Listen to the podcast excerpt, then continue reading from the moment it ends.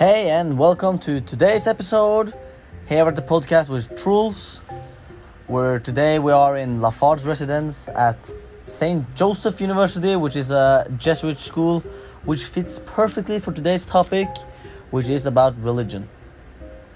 And today, in today's podcast, we're going to talk about the question that an answer that revolves around how can religion be misused in order to gain power.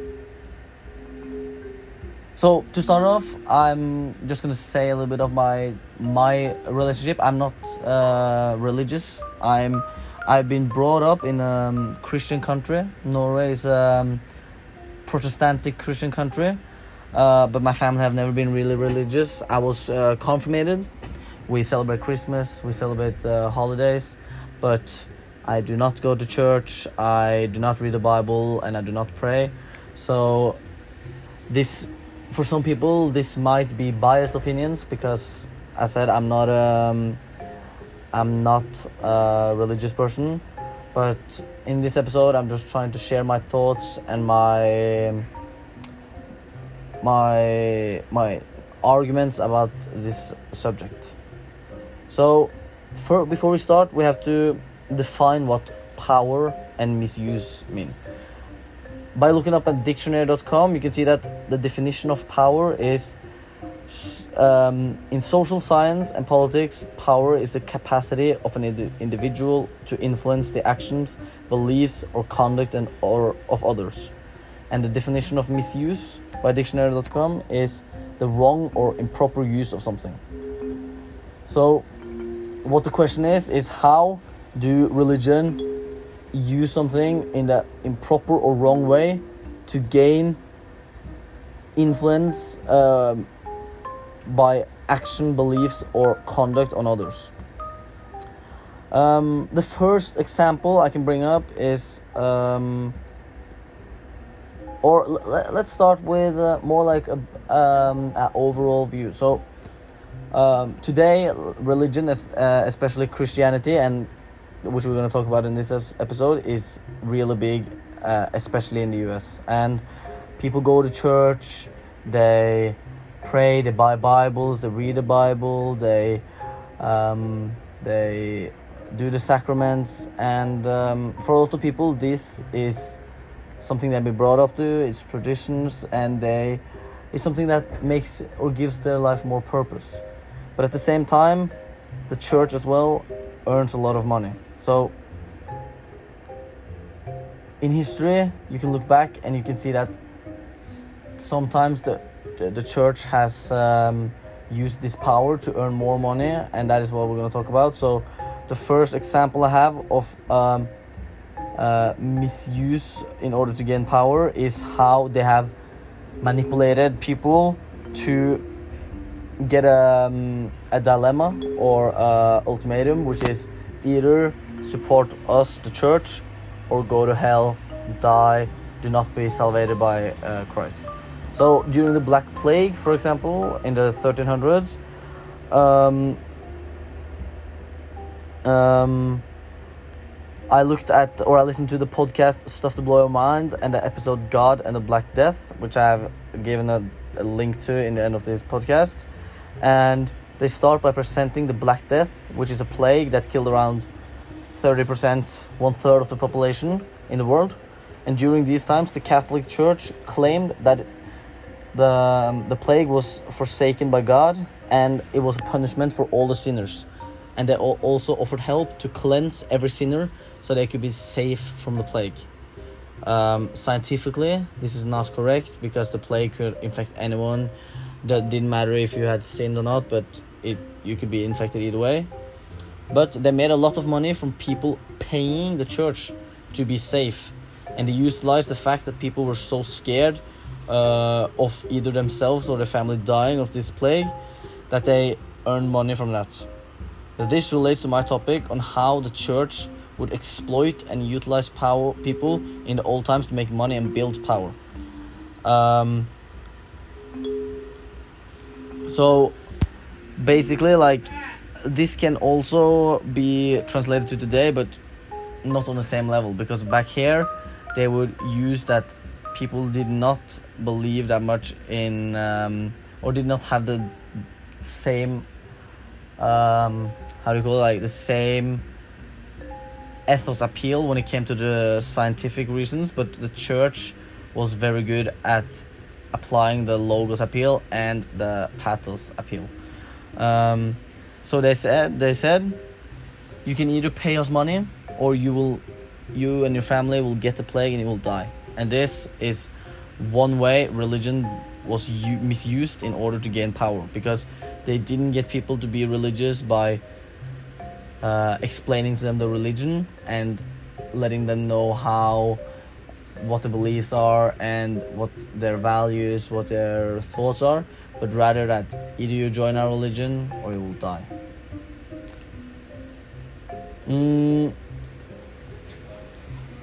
they also in back in the day they would uh, the rulers would use like religious ideas or architecture ar- architecture to legis- legitim- legitimize the rules and they use this tribute collection and new tax collection systems to generate a revenue that contributed to state power and especially to expand their empire.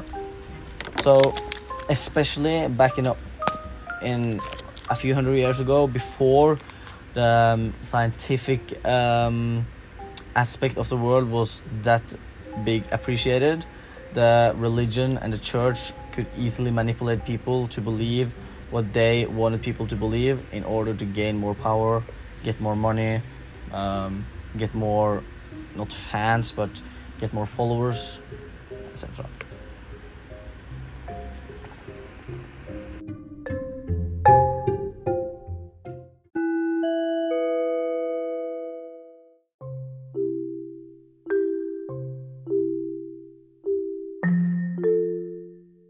So when I when I looked at this task and tried to answer the argument, I wanted to see both how it has been been misused in the his in history. So that's why I looked at Black Plague, but I also wanted to see how this can relate to today. And the best example I found then was with politics and how the for the current president Joe Biden is a Catholic and how this have affected the election. So I've read Massimo Faggioli's book about Joe Biden and Catholicism in the United States, and Mas- Massimo Fag- Faggioli is a theology professor at Villanova University, and he have written for Commonweal and um, have been speaking around a lot of places in US about um, the Catholicism and um, and politics.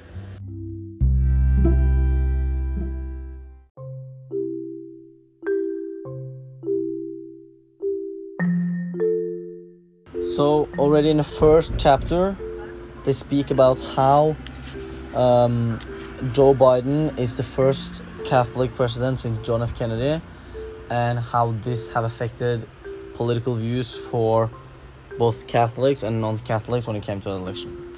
And of course, I feel like it, it's it's stupid to say that this is a misuse of power because every it, it, Joe Biden is a person. He's a human being, and he's allowed to have a religious view, and this should be personal for him, and uh, should not be that since he's a president he can't be religious. But what I'm saying is, with today's U.S. and today's religious situation in the U.S. and that Joe Biden was Catholic, it makes it it makes his power more how can you say it it makes his power more um, more the word is uh, it makes his power more or it, it's easier to get power when you know that a lot of your of the people that is going to vote share the same political or religious views as you. And this can cause problems when it comes to say abortion immigration. Because say for example the catholic church is pro-immigration. They think that we should help every human being but a lot of uh, politics in the us recently have been revoked around the theme if we if you should allow more immigrants to come in, or, or if the country should close its borders.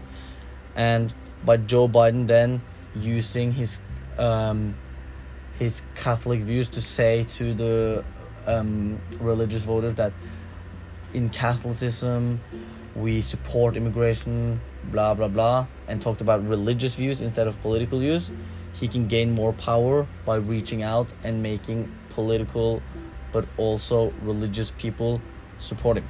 The same when it comes to abortion, which has been a really, really big um, discussion these few past years.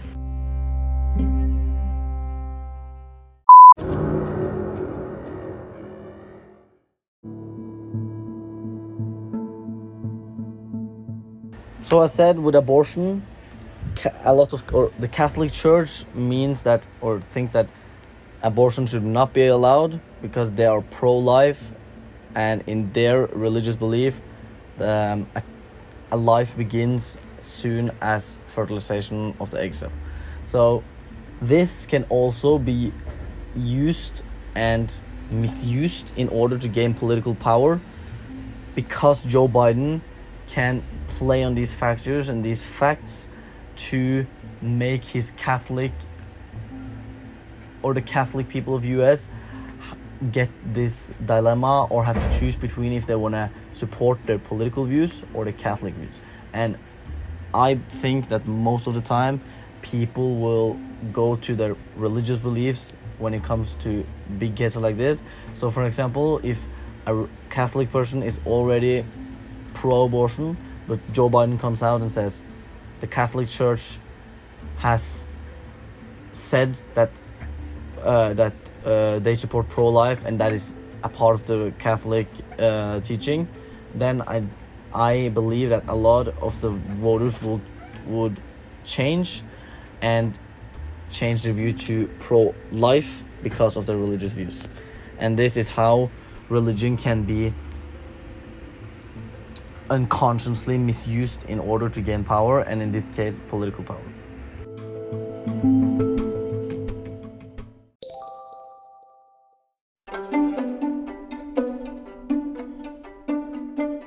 in conclusion, I have nothing against religion, and I think that there are so many positive sides of religion in this world about giving hope, giving purpose, everything. But I feel like there's a lot of cases where this belief and the inability to actually be able to prove something scientifically will make it easier to misuse in order to gain power. And i wanted in this podcast to show you guys some examples on how religion actually have been or will be misused in order to gain power like this. Um, as said the sources i used was the podcast stuff to blow your mind god and the black death on spotify and massimo faggioli's book joe biden and catholicism in the united states and then I have to say, thank you for listening. Have a wonderful Halloween weekend. Have a wonderful weekend. Now it's not a good weather outside right now, but I hope it will turn the fall break. Turn on the movie, get comfy under the blanket, maybe get some hot chocolate, and you know, just enjoy yourself. Until next week when a new episode will come out, go into Spotify, iTunes, and all the other podcast platform, like and subscribe, and you will find me there. See you next week.